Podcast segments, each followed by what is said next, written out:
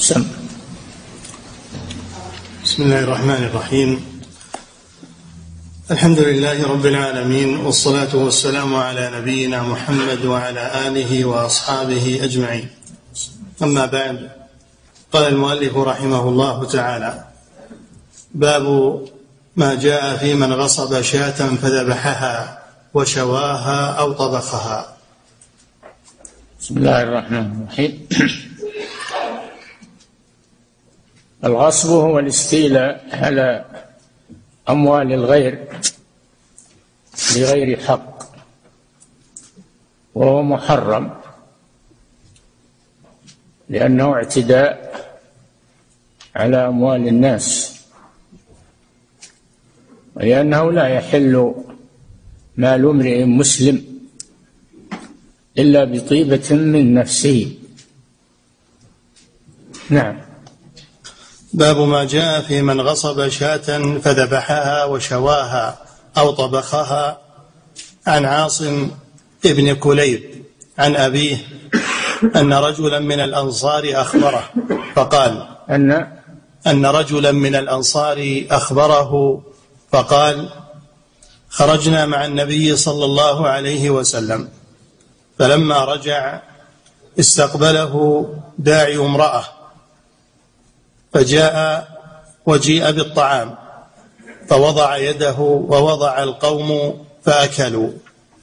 فنظر آباؤنا رسول الله صلى الله عليه وسلم يلوك لقمة في فمه ثم قال أجد لحم شاة أخذت بغير إذن أهلها. فقالت المرأة يا رسول الله إني أرسلت إلى البقيع يشتري لي شاة فلم أجد فأرسلت إلى جار لي قد اشترى شاة أن أرسل بها إلي بثمنها فلم يوجد. فأرسلت إلى امرأته. فلم؟ فلم يوجد. أو يوجد. آه، فلم نعم. فلم يوجد. فأرسلت إلى امرأته فأرسلت إلي بها. فقال رسول الله صلى الله عليه وسلم أطعميه الأسارى. رواه أحمد وأبو داود والدار قطني وفي لفظ له. ثم قال إني لأجد لحم شاة ذبحت بغير إذن أهلها.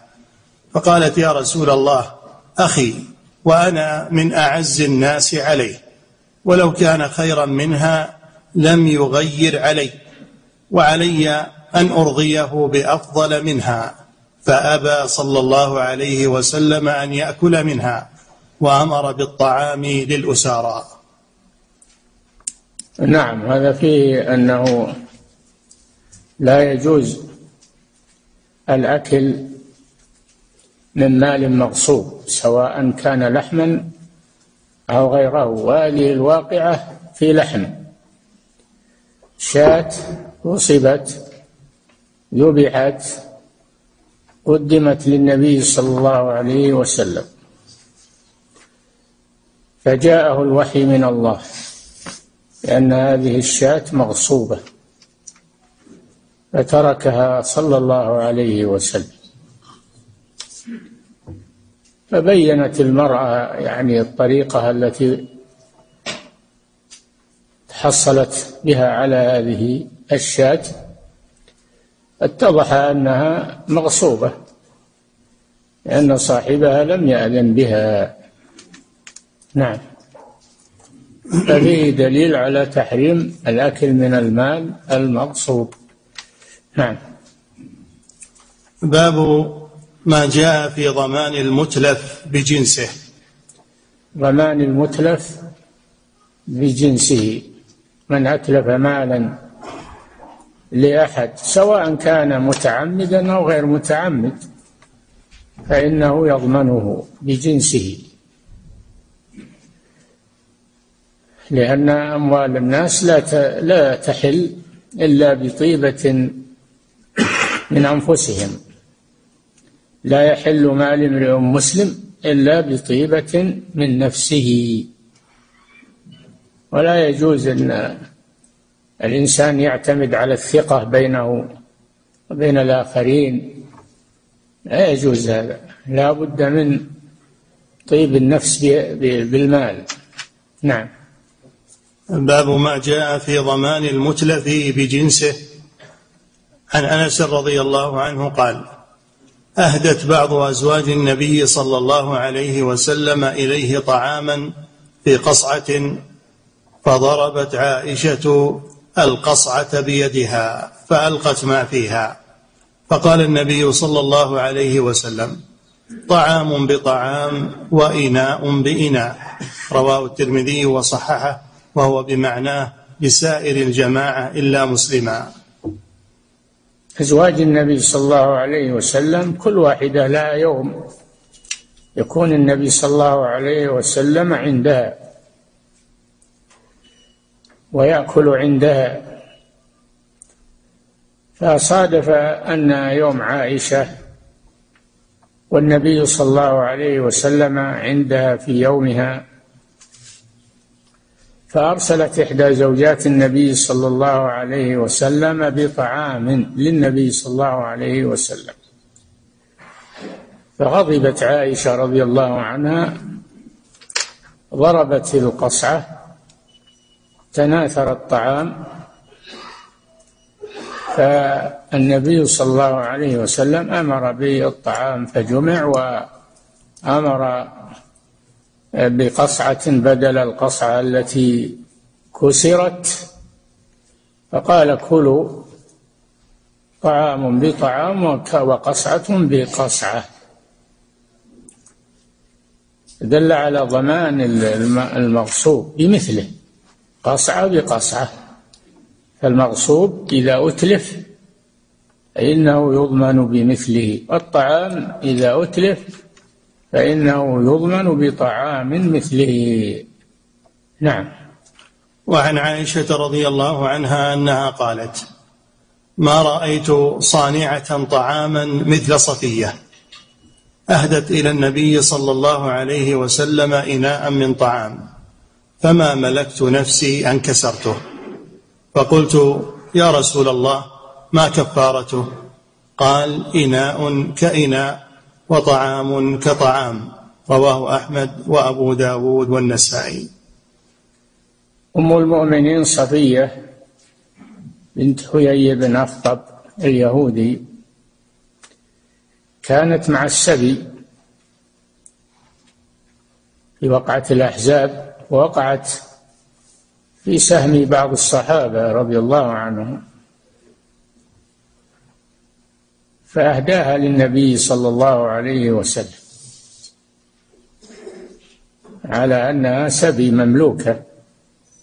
النبي صلى الله عليه وسلم أعتقها وجعل عتقها صداقها. جعل عتقها صداقها. هذه أم المؤمنين صفية بنت حيي بن أخطب. أهدت إلى النبي صلى الله عليه وسلم طعاما في يوم عائشة. غضبت عائشة من ذلك كسرت القصعة وانتثر الطعام. فالنبي صلى الله عليه وسلم أخذ قصعة سليمة بدلها وأعطاها لصفيه. وأمر بالطعام فجمع ووضع في قصعة فأكل الصحابة منه. بأمر النبي صلى الله عليه وسلم كلوا قصعة بقصعة وطعام بطعام. فدل على أن المغصوب يضمن بمثله إذا تلف أو أتلف. نعم. باب جناية البهيمة. جناية البهيمة. إذا كانت بهيمة معها صاحبها فإن كان يسوقها وأصابت بيدها أو رجلها شيئا فإن صاحبها يضمن ذلك.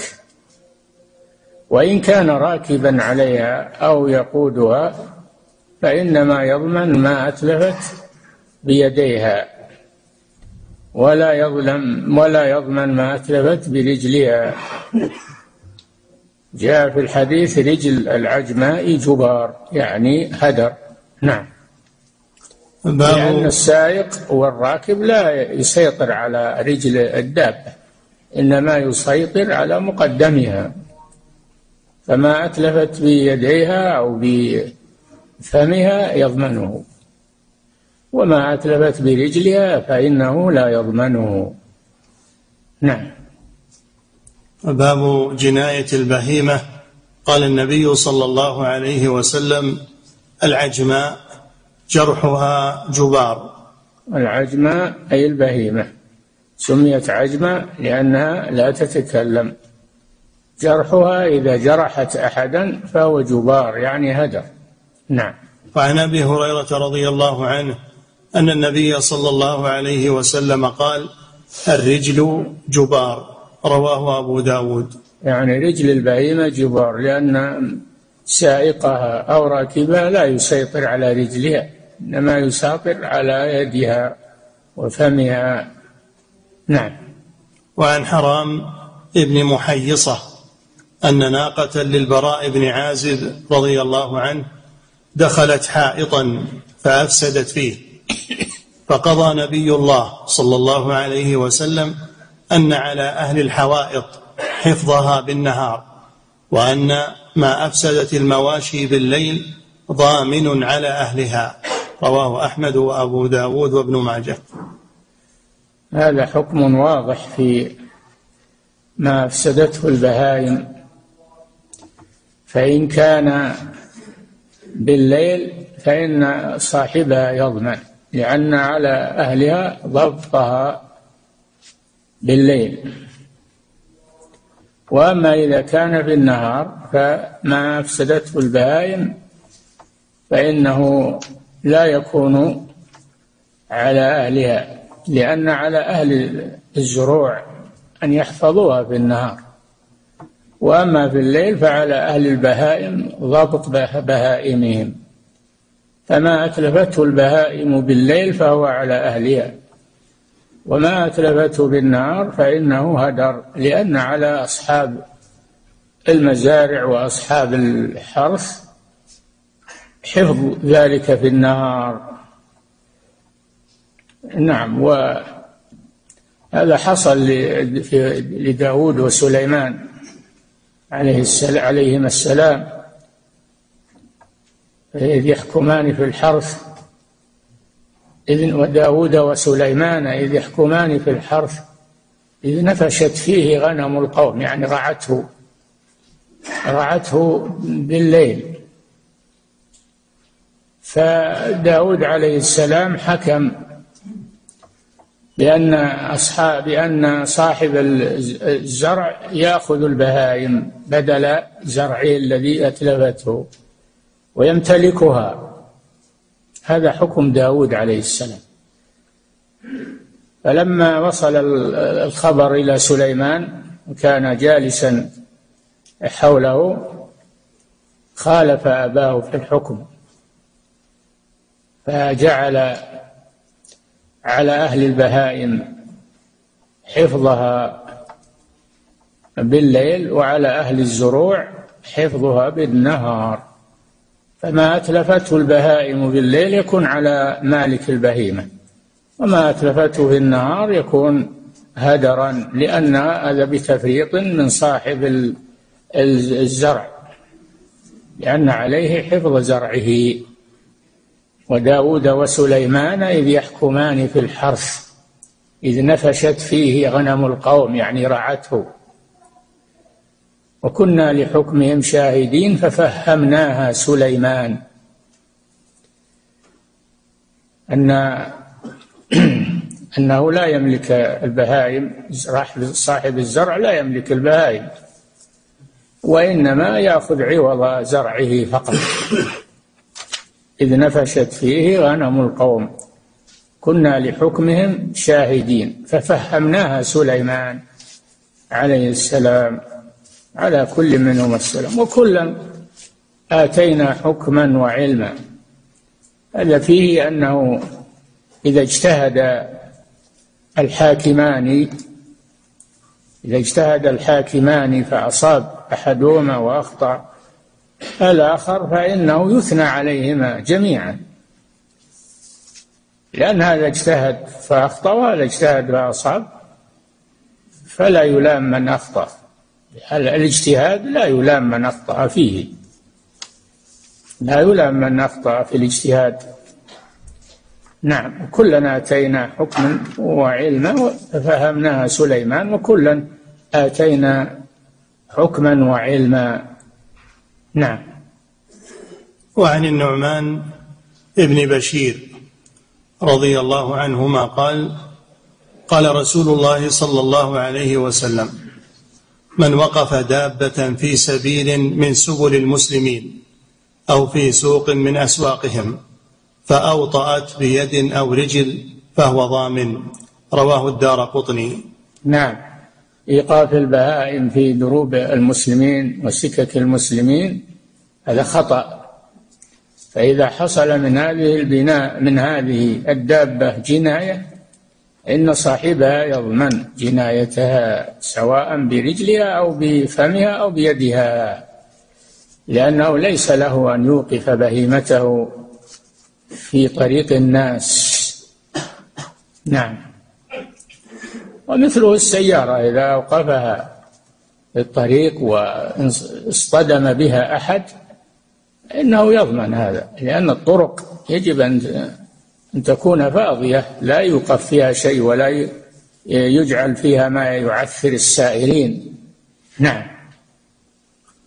وهذا عند بعضهم فيما إذا وقفها في طريق ضيق أو حيث تضر المارة هذا يعني الذي ورد إنما إذا وقفها في طريق ضيق وحصل منها جناية على المارة فإنه يضمنها لأنه ليس له أن يوقفها في طريق ضيق.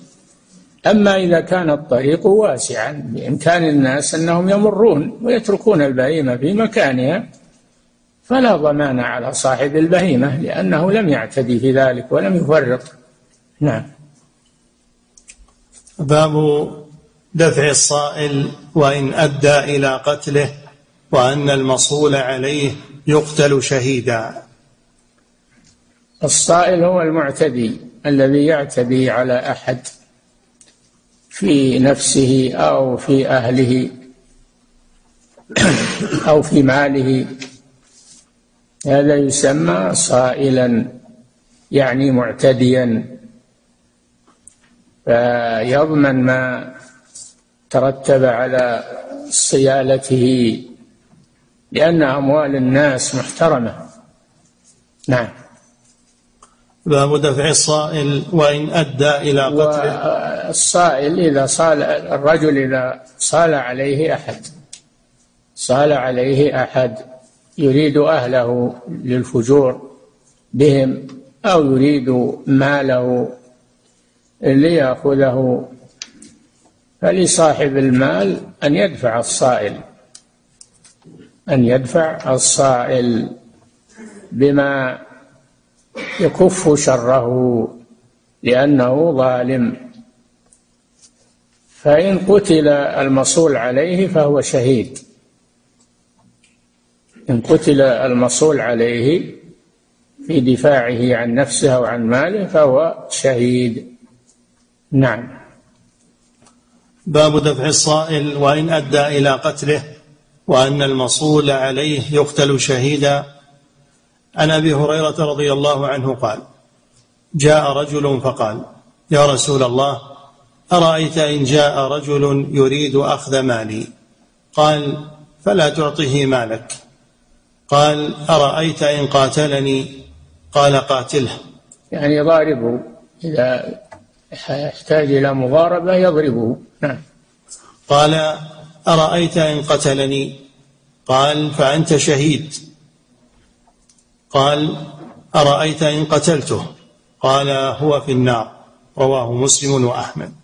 نعم إذا صال أحد على أحد معصوم الدم والمال والحرمة فإن قتل المصول عليه فهو شهيد لأنه يدافع عن نفسه أو عن ماله أو عن أهله. فهو شهيد عند الله له أجر الشهداء عند الله سبحانه وتعالى. وإن قتل الصائل فهو في النار لأنه معتدي. نعم. وفي لفظ يا رسول الله أرأيت إن عدا على مالي؟ قال انشد الله. قال فإن أبوا علي؟ قال انشد الله. قال فإن أبوا علي؟ قال قاتل. فإن قتلت ففي الجنة وإن قتلت ففي النار. نعم الصائل إذا قتل فهو في النار لأنه ظالم. وأما المصول عليه إذا قتل دون دون ما دون أهله دون ماله. فإنه يكون شهيدا. فإنه يكون شهيدا لأنه مظلوم. وهذا ما يسمى بدفع الصائل نعم. وفي لفظ يا رسول الله رأيت إن عدا على مالي قال انشد الله قال فإن أبوا علي قال انشد الله قال يعني خوفهم بالله.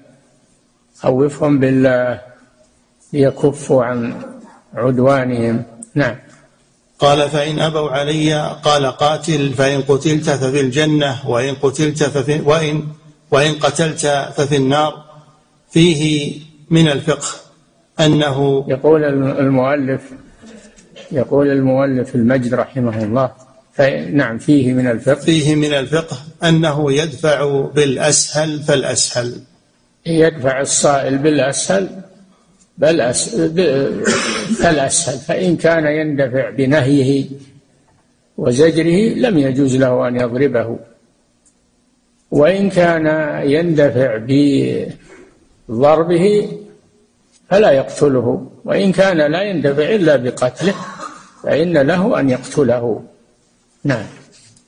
وعن عبد الله بن عمرو رضي الله عنهما أن النبي صلى الله عليه وسلم قال من قتل دون ماله فهو شهيد متفق عليه وفي لفظ من أريد ماله بغير حق فقاتل فقتل فهو شهيد نعم فيه أن أن المسلم لا يفرط بماله ولا يجعل الصائل يأخذه وإنما يدافع عن ماله. له أن يدافع عن ماله بالضرب حتى بالقتل إذا لم يدفع إلا بقتله وهو هدر. وأما إذا قتل المصول عليه فهو شهيد لأنه مظلوم. نعم. وفي لفظ من أريد ماله بغير حق فقاتل فقتل فهو شهيد. نعم نعم. رواه أبو داود والنسائي والترمذي وصححه. وعن سعيد بن زيد قال سمعت النبي صلى الله عليه وسلم يقول من قتل دون دينه فهو شهيد. سعيد بن زيد بن الخطاب. عمه عمر بن الخطاب رضي الله عنه. نعم. قال سمعت النبي صلى الله عليه وسلم يقول من قتل دون دينه فهو شهيد.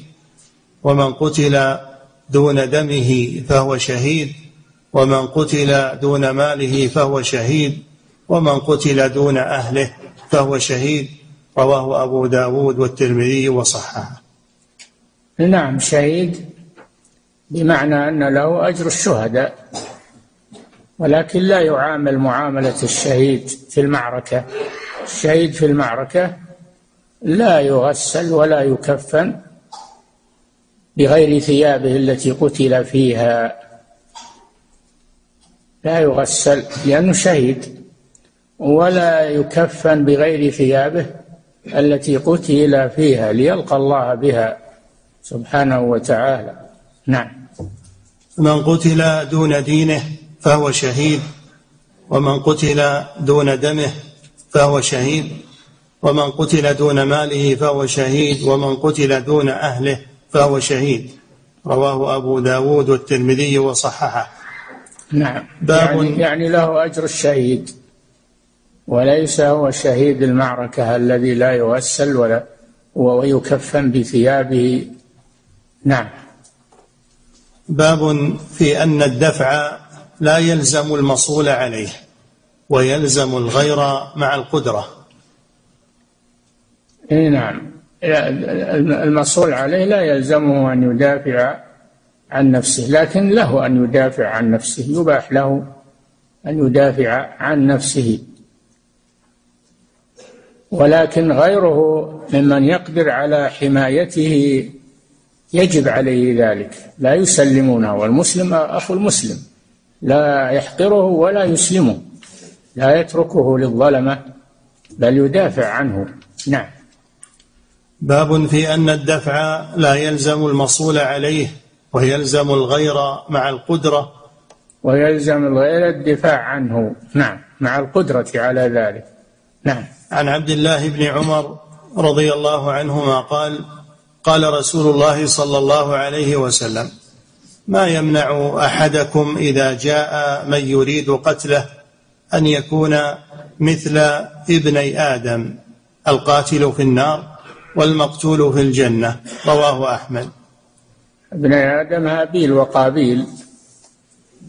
لما تقبل الله من هابيل لا تقبل الله من قابيل كانوا في وقتهم إذا تصدق الرجل بالصدقة فإنها إذا قبلت تنزل نار من السماء فتأكلها.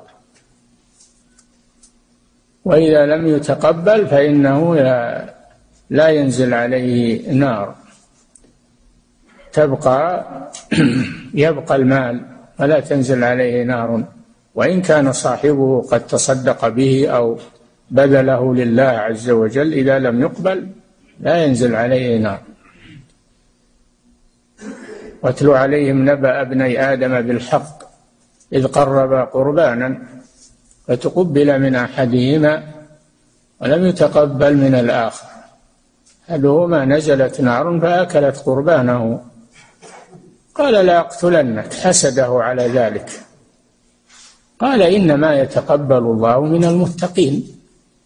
إن بسطت إلي يدك لتقتلني ما أنا بباسط يدي إليك ليقتلك. إني أخاف الله رب العالمين. إني أريد أن تبوء بإثمي وإثمك. تكون من أصحاب النار وذلك جزاء الظالمين. طوعت له نفسه قتل أخيه فقتله فأصبح من الخاسرين. فبعث الله غرابا. لما قتل أخاه ما يدري ماذا يفعل بجنازته. ما يدري ماذا يفعل بجنازته. يعني فتورط فيها ولا يدري ما يفعل بها.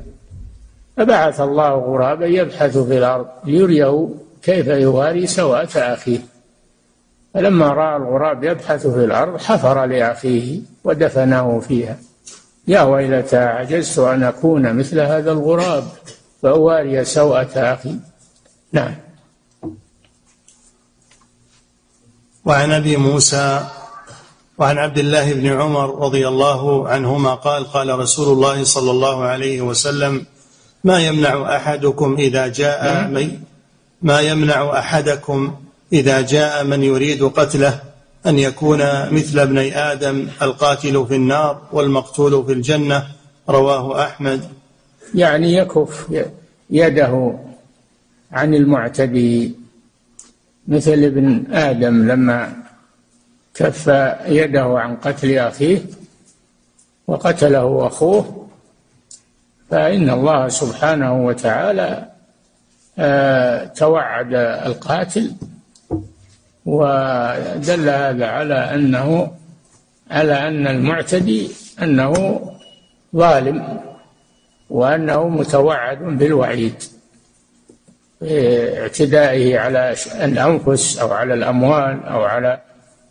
يعني ممتلكات الناس أو مختصاتهم لا يجوز الاعتداء على حق أحد. نعم. وعن أبي موسى رضي الله عنه عن النبي صلى الله عليه وسلم أنه قال في الفتنة كسروا فيها قسيكم وقطعوا أوتاركم. واضربوا بسيوفكم الحجارة. فإن دخل على أحدكم بيت فإن دخل نعم. يعني لا تشارك في الفتنة.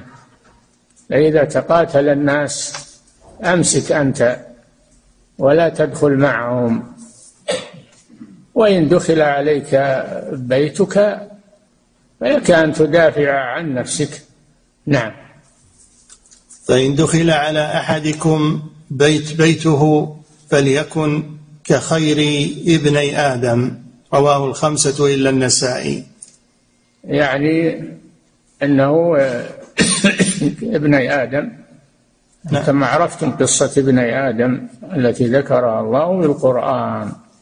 لئن بسطت إلي يدك لتقتلني ما أنا بباسط يدي إليك لأقتلك إني أخاف الله رب العالمين. يكون الإنسان مثل هذا مثل الذي كف يده. هذا إذا كان إذا كان قتاله للمعتدين يزيد الفتنة يزيد الفتنة فتنة. فإنه لا يزيد الفتنة بل يكف. أما إذا كان لا يزيد الفتنة فله أن يدافع عن نفسه. ولذلك الخوارج لما دخلوا على عثمان رضي الله عنه أمر من حوله أن يكفوا أيديهم وأن يكفوا سلاحهم فقتلوه رضي الله عنه قتلوا عثمان رضي الله عنه شهيدا في داره. نعم. وعن سعد بن أبي وقاص رضي الله عنه أن النبي صلى الله عليه وسلم قال إنها ستكون فتنة. القاعد فيها خير من القائم. يعني لا تبادر إذا حصلت الفتنة عليك أن تتأخر عنها. مهما أمكنك ذلك ولا تدخل فيها. نعم. إنها ستكون فتنة. القاعد فيها خير من القائم والقائم خير من الماشي والماشي خير من الساعي. نعم مهما أمكن الإنسان يتأخر عنها عن الفتنة فإنه يفعل. نعم اتقاء لشرها وتقليلا من امتدادها. نعم. قال أرأيت إن دخل على بيتي؟ علي. أرأيت إن دخل علي بيتي فبسط يده إلي ليقتلني؟ قال كن كابن آدم. رواه أحمد وأبو داود والترمذي. كن كابن آدم. لئن بسطت إلي يدك لتقتلني ما أنا بباسط يدي إليك لأقتلك إني أخاف الله رب العالمين. نعم. وعن سهل بن حنيف عن النبي صلى الله عليه وسلم قال من أذل عنده مؤمن فلم ينصره وهو يقدر على أن ينصره. أذله الله عز وجل على رؤوس الخلائق يوم القيامة. رواه أحمد. المعتدى عليه إذا كف كابن آدم فإذا كف فإن هذا أفضل له. ولكن على من حضر من المسلمين أن يدافعوا عن أخيهم. ولا يسلموه لهم المسلم أخو المسلم لا يحقره ولا يخذله ولا يسلمه. ما يسلم أخاه المسلم للظلمة يدافع عنه. نعم. من أذل عنده مؤمن فلم ينصره وهو يقدر على أن ينصره أذله الله عز وجل على رؤوس الخلائق يوم القيامة رواه أحمد. فدل على كف الظلمة. آه، والمعتدين عن المسلمين. لا يجوز تركهم يعيثون في الأرض فسادا. نعم. باب ما جاء في كسر أواني الخمر. نعم كسر أواني الخمر. الصحابة لما نزل تحريم الخمر وهم بالمدينة خرجوا إلى القرب التي فيها الخمر شققوها وتركوها تسيل في شوارع المدينة. نعم. باب ما جاء في كسر أواني الخمر عن أنس عن أبي طلحة أنه قال يا رسول الله إني اشتريت خمرا لأيتام في حجري. قال أهرق الخمر واكسر الدنان رواه الترمذي والدار قطني. نعم فإذا كان الخمر يمتلكه قصار يمتلكه قصار فإن وليهم يكسر أواني الخمر ويترك الخمر تسيل ويتلفها وليهم. نعم. وعن ابن عمر رضي الله عنهما قال أمرني النبي صلى الله عليه وسلم أن آتيه بمدية وهي الشفرة. السكين يعني السكين المدية والشفرة والسكين بمعنى واحد. نعم. فأتيته بها فأرسل بها فأرهفت ثم أعطانيها وقال اغدو علي بها. ففعلت. نعم أرسل بها فأرهفت. يعني حدت في الآلات التي تجعلها حادة. نعم. فأرسل بها فأرهفت ثم أعطانيها وقال أغد علي بها. يعني ائتني أول النهار بها. نعم. ففعلت فخرج بأصحابه إلى أسواق المدينة وفيها زقاق الخمر قد جلبت من الشام فأخذ المدية فأخذ المدية مني فشق ما كان من تلك الزقاق بحضرته ثم أعطانيها وأمر الذين كانوا معه أن يمضوا معي ويعاونوني وأمرني أن آتي الأسواق كلها فلا أجد فيها زق خمر إلا شققته ففعلت. فلم أترك في أسواقها زقا إلا شققته رواه أحمد. نعم دل على إتلاف الخمر وإتلاف أوانيها التي هي معبأة فيها لأن هذا من إنكار المنكر ومن إزالة المحرم عن أسواق المسلمين. ولا حرمة لها. لا حرمة لها ولا حرمة لأوانيها التي هي فيها. لأنها رجس من عمل الشيطان. نعم. إنما الخمر والميسر والأنصاب والأزلام رجس من عمل الشيطان. فاجتنبوه لعلكم تفلحون. نعم. وعن عبد الله ابن أبي الهذيل قال كان عبد الله يحلف بالله أن التي أمر بها رسول الله صلى الله عليه وسلم حين حرمت الخمر أن تكسر دنانه وأن تكفى لمن التمر والزبيب. رواه الدار قطني. نعم مصنوعة يعني الخمر مصنوعة من التمر ومصنوعة من الزبيب.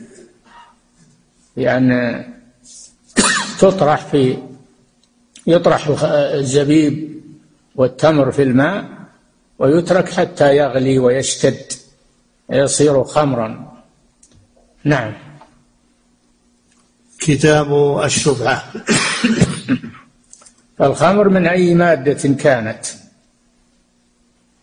من أي مادة كانت تسمى خمرا حقيقة؟ الحنفية يقولون إن كانت من العنب تسمى خمرا حقيقة. أما إن كانت من غير العنب فإنها تسمى لا تسمى خمرا حقيقة. يعني لغوية ما تسمى آه، خمرا في اللغة. ولكنها حرام. ولكنها حرام من أجل إسكارها.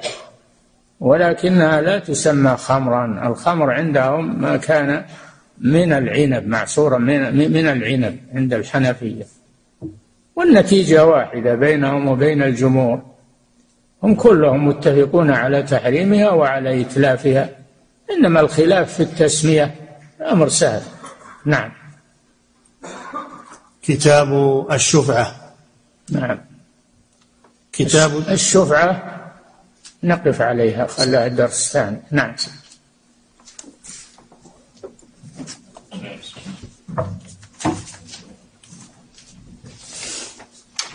فضيلة الشيخ وفقكم الله هذا سائل يقول هل يفهم من هذا الدرس أنه يجوز للإنسان أن يترك بهائمه في النهار ترعى حتى وإن دخلت إلى مزارع الناس؟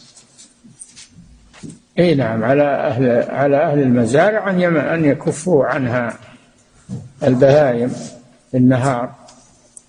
وتترك البهائم ترعى الكلى ولو كان قريبا من المزارع لأن على أهل المزارع أن يحرسوها. نعم. فضيلة الشيخ وفقكم الله. هذا سائل يقول هناك من يقول بأنه إذا اعتدى أحد على أهل شخص فإنه عليه أن يخلي سبيله ويسلم إليه أهله إذا كان عاجزا وليس عنده قدرة مستدلا بقصة إبراهيم عليه الصلاة والسلام عندما سلم زوجته إلى والي مصر. هل هذا الكلام صحيح وهذا الاستدلال؟ سلم إلى والي مصر ومعها ملك من الملائكة. يكفه عنها.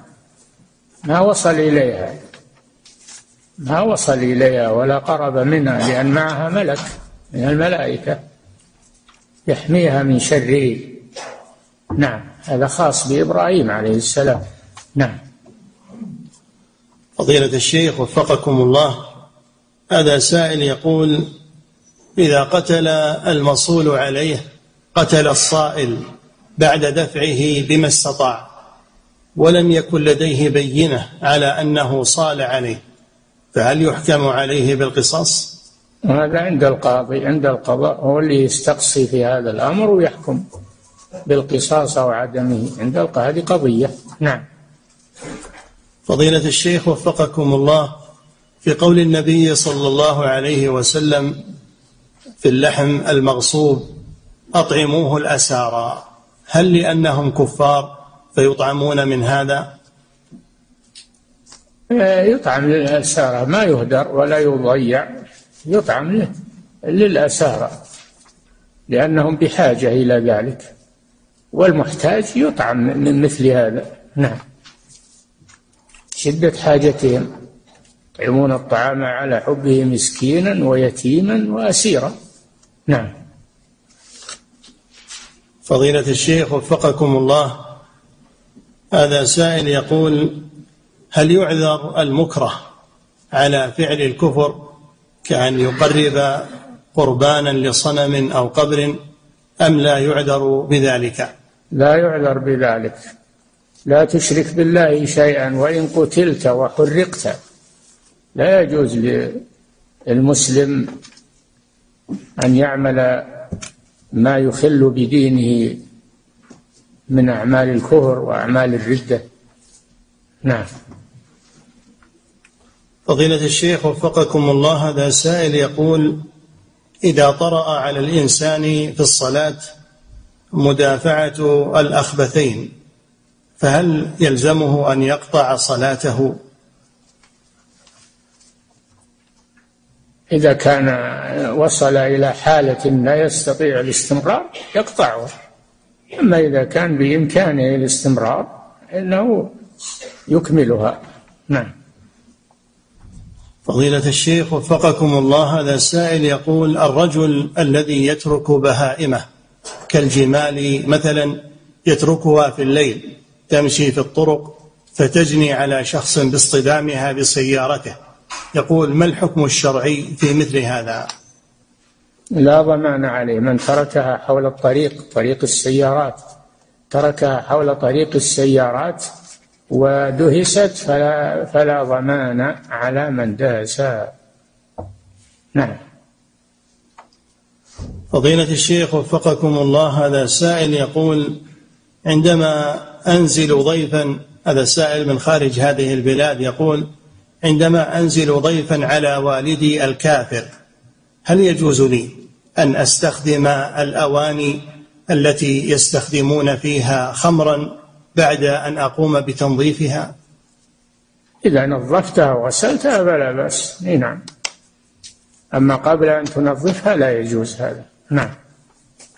فضيلة الشيخ وفقكم الله. هذا سائل يقول ما حكم النبيذ؟ وهل هو خمر؟ وهل هناك مدة معينة للتخمير جوازها وعدمه؟ يجوز النبيذ أن يعني ينبذ التمر أو العنب في الماء من أجل أن يكون الماء حلوا بسبب ذلك. ولكن إذا اشتد أو بلغ أربعة أيام فإنه يراق. نعم. ولا يشرب. نعم. فضيلة الشيخ وفقكم الله هذا سائل يقول عائلة تريد الذهاب إلى العمرة وعندهم خادمة فهل يجوز لهم عائلة تريد الذهاب إلى العمرة وعندهم خادمة فهل يجوز لهم أن يسافروا بها معهم للعمرة إذا لم يكن معها محرم؟ نعم هي تبع لهم. تكون مع العائلة ومع النساء لا بأس بذلك. نعم. فضيلة الشيخ وفقكم الله. هذا سائل يقول هل يجوز بيع الخمر على الكافر أم لا يجوز ذلك؟ وكذلك بيع اللحوم الجائزة بالنسبة لهم والمحرمة عندنا. لا يجوز بيع المحرم لا على كافر ولا على مسلم ولا يجوز أكل ثمنه. نعم. فضيلة الشيخ وفقكم الله هذه امرأة من فرنسا تسأل فتقول ما حكم قيامي بعملية زراعة للقلب؟ حيث إنني مريضة بالقلب وقد أمرني الطبيب بهذه العملية. هل يجوز مثل هذا الإجراء شرعا؟ إذا قرر الأطباء ثلاثة من الأطباء هذه العملية فلا بأس. هذا من العلاج والتداوي نعم. فضيلة الشيخ وفقكم الله هذا رجل رجل مسن يسأل فيقول إنه لا يستطيع الاستنجاء بنفسه فهل يجوز لأبنائه أن يجلبوا له خادما ليقوم بذلك أم أن على الأبناء أن يتولوا ذلك بأنفسهم؟ لا بأس بذلك لكن لا يكشفوا عورته. يعني يكون من تحت من وراء حائل ينجيه من وراء حائل. نعم. هو الخادم؟ نعم. فضيلة الشيخ وفقكم الله هذا سائل وأيضا يجعلون على أيديهم يجعلون على أيديهم اللفافة أو آه، يلبسون عليها شيئا ما يباشرون مس العورة بدون حائل نعم. فضيلة الشيخ وفقكم الله هذا سائل يقول ما حكم سؤال الناس بغير حاجة؟ حرام. سأل من غير حاجة. فإنما يسأل جمرا فليقل وليستكثر نعم. فضيلة الشيخ وفقكم الله هذا سائل يقول شخص فيه مس ويعجز عن إتمام بعض الواجبات والأركان في الصلاة. رجل. رجل فيه مس نعم. ويعجز عن إتمام بعض الواجبات والأركان في الصلاة. فهل تكفيه صلاة الإمام وأركانه؟ لا ما ما يكفيه لكن يعذر هو. يعذر بما عجز عنه يعذر عند الله سبحانه وتعالى.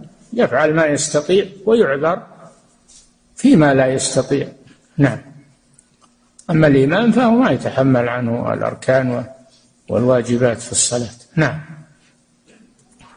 فضيلة الشيخ وفقكم الله هذا سائل يقول المرأة التي تكون في العدة في زمن الإحداث هل يجوز لها أن تذهب لزيارة أحد أقاربها؟ في النهار يجوز لها أن تخرج في النهار لحاجة إما شراء حاجة ليس عندها من يشتريها لها أو تزور قريبها المريض تراقب علاجه وتنظر إلى حالته لا بأس بالنهار. أما الليل لا. نعم.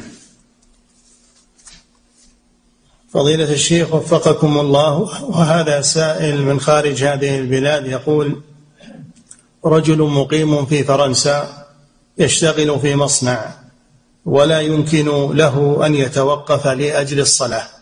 فيصلي على حاله وهو واقف وعند تكبيرات الانتقال يحرك رأسه فقط. سؤاله هل هذه الصلاة جائزة شرعا؟ وما حكم الصلوات السابقة؟ لا يجوز هذا. يؤدي الصلاة على هيئتها وكيفيتها. يشترط على أهل المصنع وأهل المتجر يشترط عليهم ذلك لأنه مسلم. فيمكنه من الصلاة. نعم. فضيلة الشيخ وفقكم الله هذا سائل يقول الإمام إذا جلس بعد الركعة الثالثة في الصلاة الرباعية جلس ناسيا. الإمام إذا جلس بعد الركعة الثالثة في الصلاة الرباعية جلس ناسيا ثم نبه على هذا فقام. هل إذا قام يكبر فيقول الله أكبر؟ لا. التكبيرة التي قام بها من السجود تكفي تكبيرة الانتقال فيقوم من غير تكبير. نعم. فضيلة الشيخ وفقكم الله. وهذا سائل يقول إنه يعاني من خروج الغازات بوجود ما يسمى بالتهاب القولون عنده وهذا أمر دائم معه حتى في الصلاة. سؤال أثناء الصلاة تأتيني هذه الأمور فهل أقطع الصلاة ثم أرجع وأتوضأ؟ لا أم؟ تصلي على حسب حالك لكن لا تتوضأ إلا عندما تريد الصلاة. عندما تريد الصلاة تتوضأ وتصلي ولو خرج منك شيء. لا يكلف الله نفسا إلا وسعها. نعم. فضيلة الشيخ وفقكم الله هذا سائل يقول هل يجوز ما يسمى بالاحتفال بعد الزواج بسنة؟ لا. آه الاحتفال ليلة الزواج.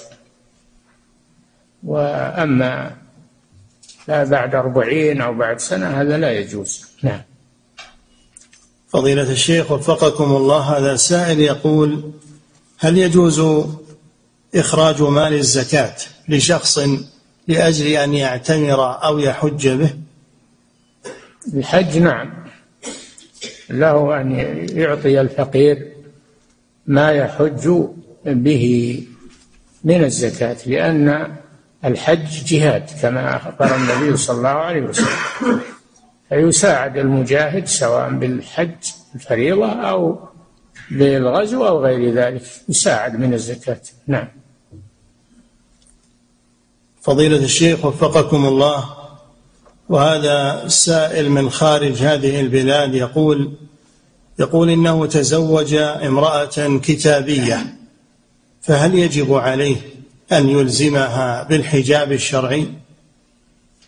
نعم يلزمها بالحجاب الشرعي لأن هذا أستر لها وأبعد عن الفتنة.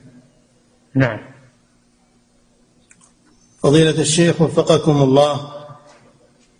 وهذه امرأة تسأل فتقول ما حكم منع المرأة نفسها عن زوجها لأجل أنه مقصر في الواجبات الشرعية كالصلاة ونحوها؟ إذا كان هذا مما يردعه إذا كان هذا مما يردعه ويؤثر عليه بأن يلتزم فنعم يجب عليها ذلك. نعم. فضيلة الشيخ وفقكم الله هذا سائل يقول من أدرك صلاة الجماعة مع الإمام وهو في التشهد الأخير هل يتم ويقعد معهم للتشهد الأخير أم أنه ينتظر جماعة أخرى؟ إذا كان يعلم أو يغلب على ظنه أن هناك جماعة قادمة إنه ينتظرها. أما إذا كان ما يعلم ولا يغلب على ظنه فإنه يدخل مع الإمام فيما بقي ولو في التشهد الأخير ليحصل على المتابعة والأجر من الله. وأما إدراك الجماعة الصحيح أنها لا تدرك إلا بركعة بركعة كاملة. نعم. فضيلة الشيخ وفقكم الله.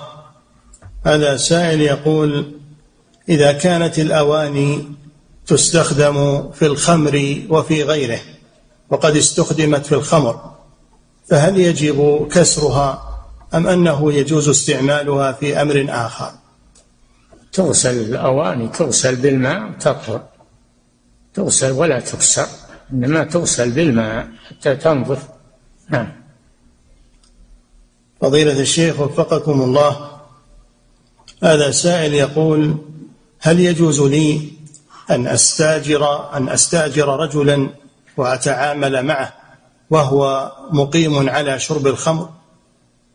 لا. لا تستعمل مثل هذا.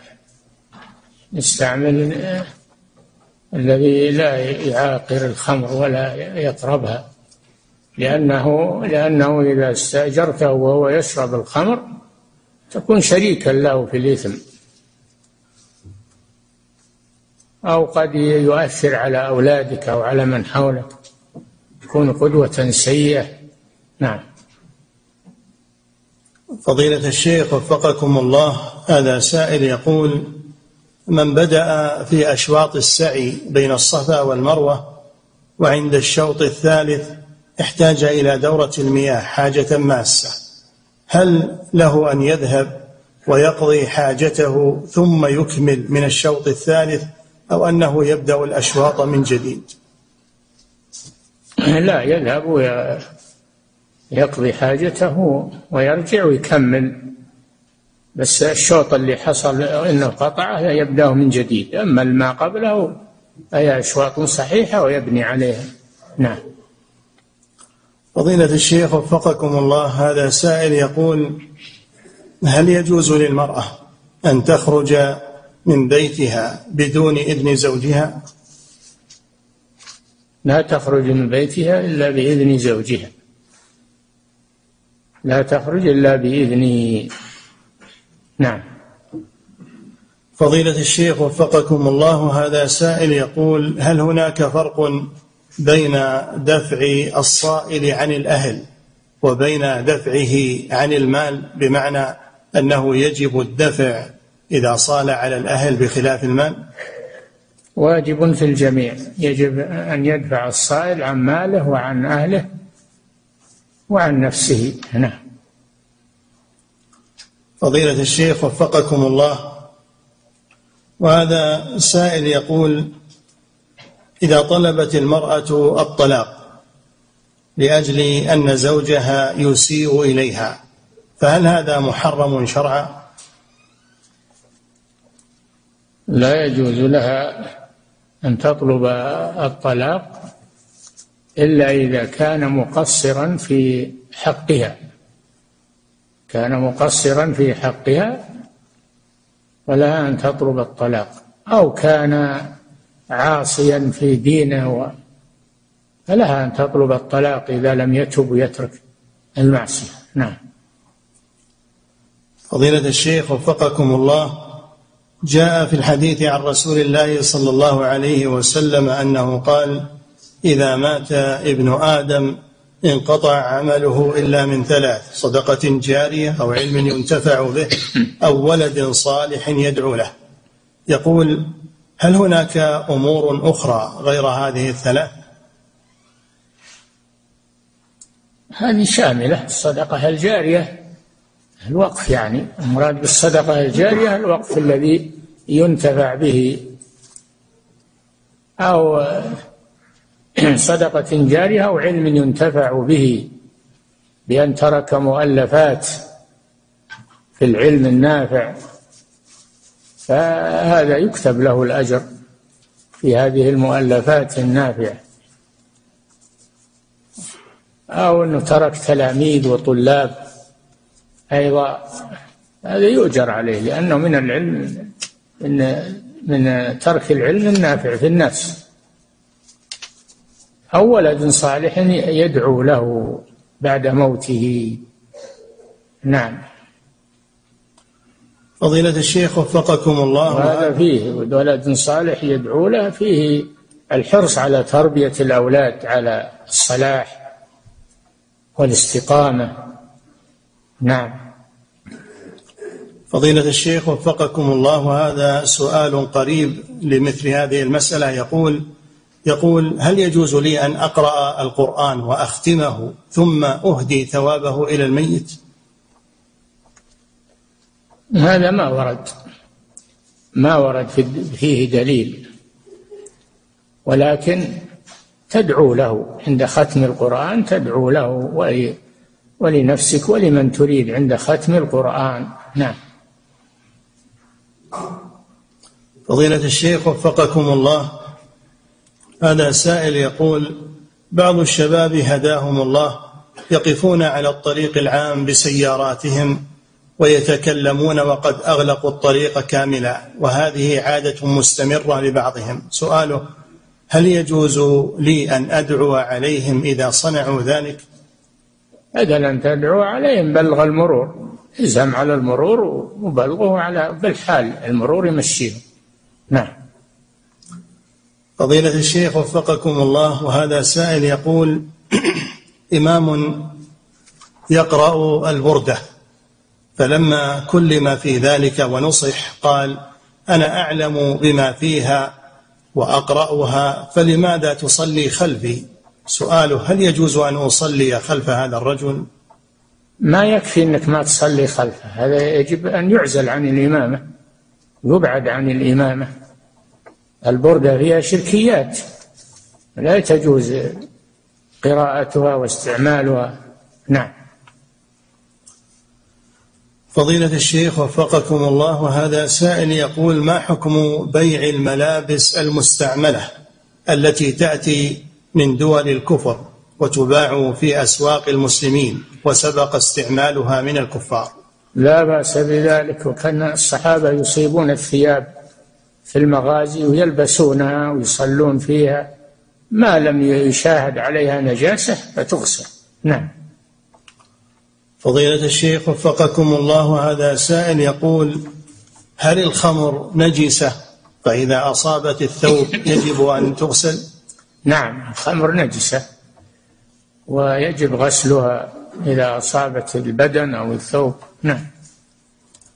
فضيلة الشيخ وفقكم الله هذا سائل يقول انتشر في بعض حفلات الزواج أنهم يبدأون بتلاوة بعض الآيات ثم بعد ذلك يأتون بأشعار وما يسمى بالشيلات تشبه الأغاني. هل يجوز ذلك؟ وهل في هذا استهانة بالقرآن بإتباعها بمثل ذلك؟ نعم هذا منكر. لا يجوز أن يقرأ القرآن ويتبع بالشيلات والأغاني. هذا من المنكر. ينزه القرآن عن مثل هذا. نعم. نعم. فضيلة الشيخ وفقكم الله هذا سائل يقول عندنا إمام اعتاد إذا صلى على الجنازة أنه يرفع صوته بهذا الدعاء وهو اللهم إنك تجد من تعذبه غيره ولا يجد من يرحمه غيرك. فما حكم هذا الدعاء؟ هذا دعاء غير وارد. ما ما نعلم أن هذا وارد عن الرسول صلى الله عليه وسلم. الصلاة ما يقال فيها إلا ما صح عن الرسول صلى الله عليه وسلم. نعم.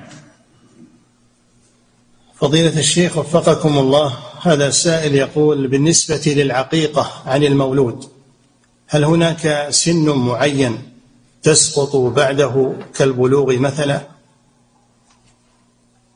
نعم إذا إذا بلغ فات محلها.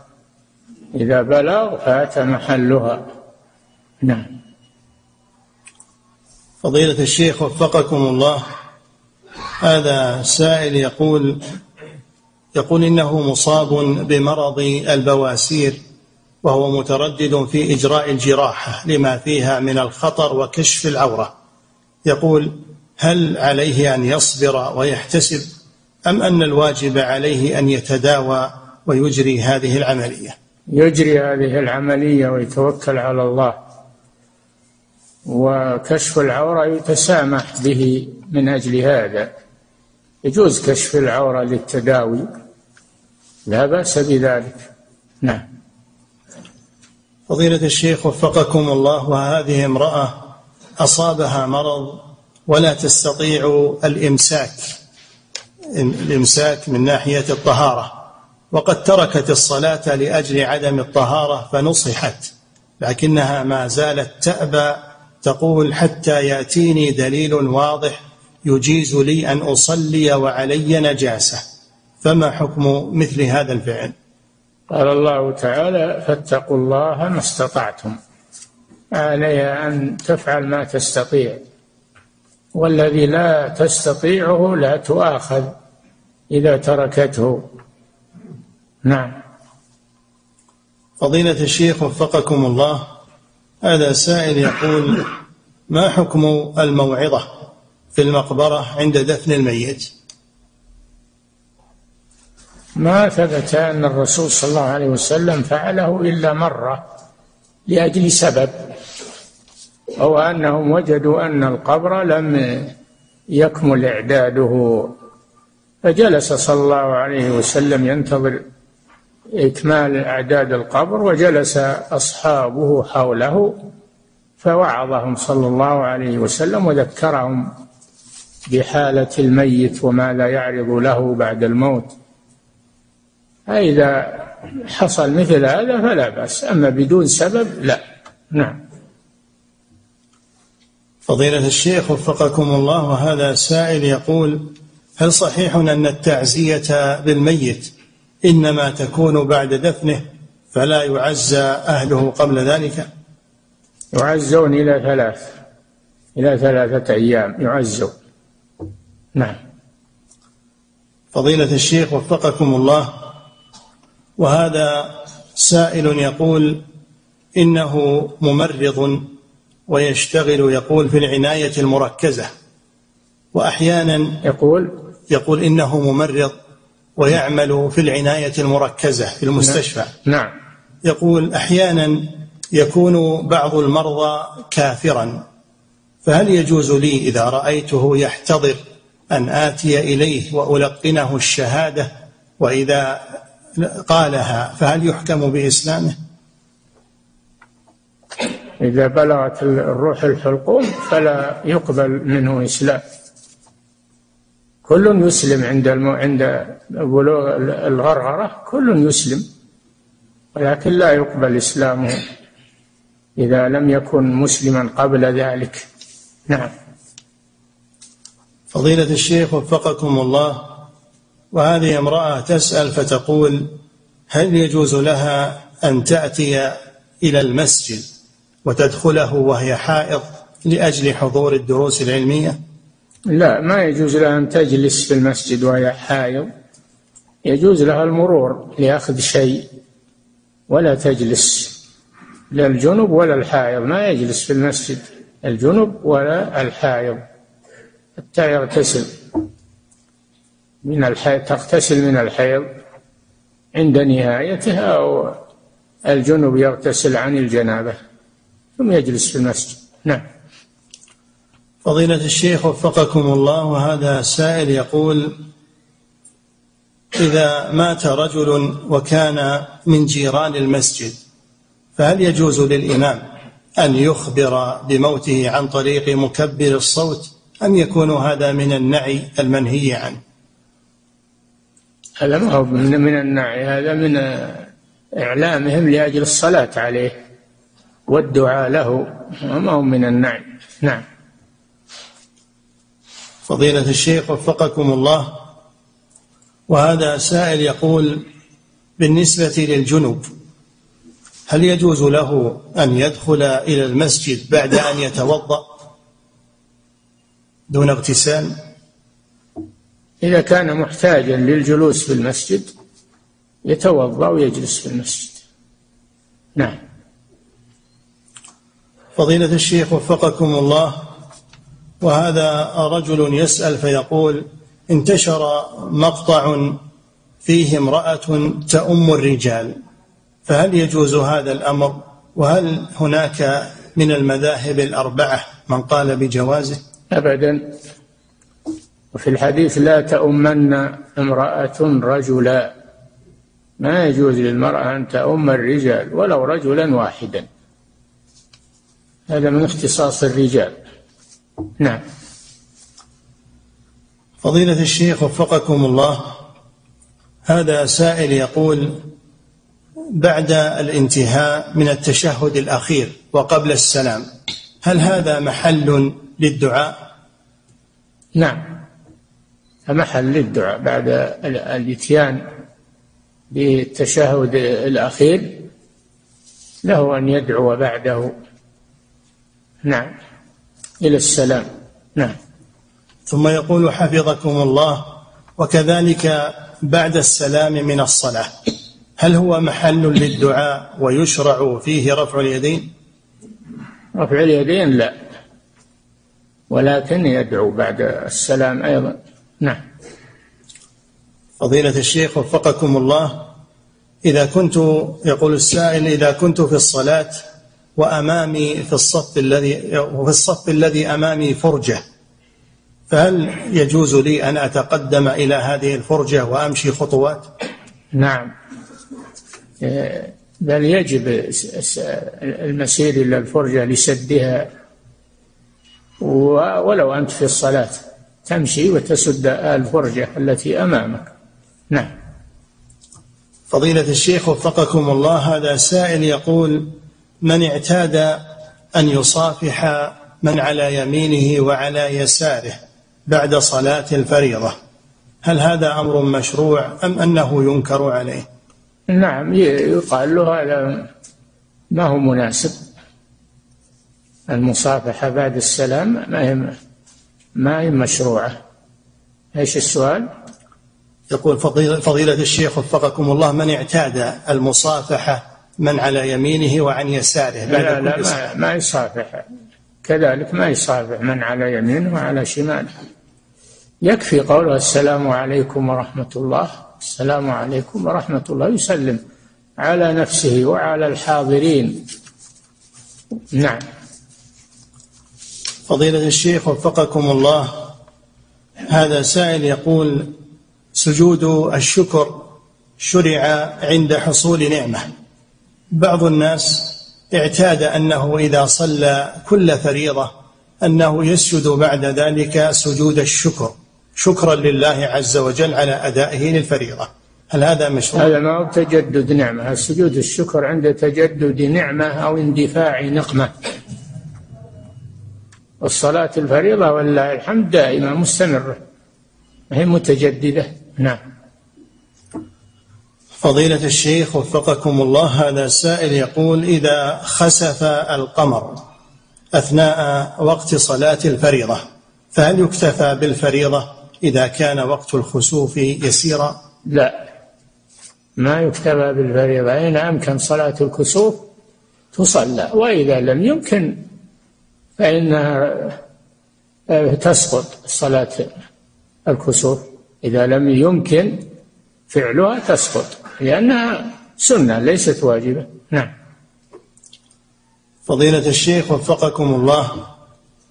هذا سائل يقول هل يجب على الأب أن يقيم أبناءه من النوم لكل صلاة أم أنه يكفي أن يأمرهم أمرا عاما؟ لا يجب عليه أن يقيمهم وأن يضربهم إذا تأخروا. ما ي... ما يخليهم يتساهل معهم. يقول أنا قلت لهم بالأول وخلاص. لا. كل فريضة يأمرهم بالصلاة وأمر أهلك بالصلاة واصطبر عليه واصطبر. شوف في مشقة تصبر عليها. نعم. فضيلة الشيخ وفقكم الله هذا سائل يقول يقول عندي محل وأقوم ببيع البضائع فإذا جاءني رجل مسلم فإني أعطي فإني أعطيه بسعر معين. وأما إذا جاءني رجل كافر فإني أزيد عليه في السعر. فهل يجوز هذا الأمر؟ لا ما يجوز لك هذا الأمر. ما يجوز لك هذا الأمر. إنك إلا أنك تبيع على الناس سواء المسلم والكافر. المسلم والكافر تبيع عليهم بقيمة موحدة. نعم. فضيلة الشيخ وفقكم الله. وهذا سائل يقول إذا وجد في السلعة عيب فهل يجوز لصاحبها أن يكتم هذا العيب إن كان يسيرا؟ لا ما يجوز له أن يكتم العيب الذي في السلعة وهو يعلمه. ما يجوز له أن يكتم عيبا يعلمه في السلعة بل يبين هذا العيب. نعم. فضيلة الشيخ وفقكم الله هذا سائل يقول ما الراجح في وقت الإجابة أو في وقت ساعة الإجابة من يوم الجمعة؟ أرجح الذي رجحه الإمام أحمد أنها آخر ساعة من يوم الجمعة.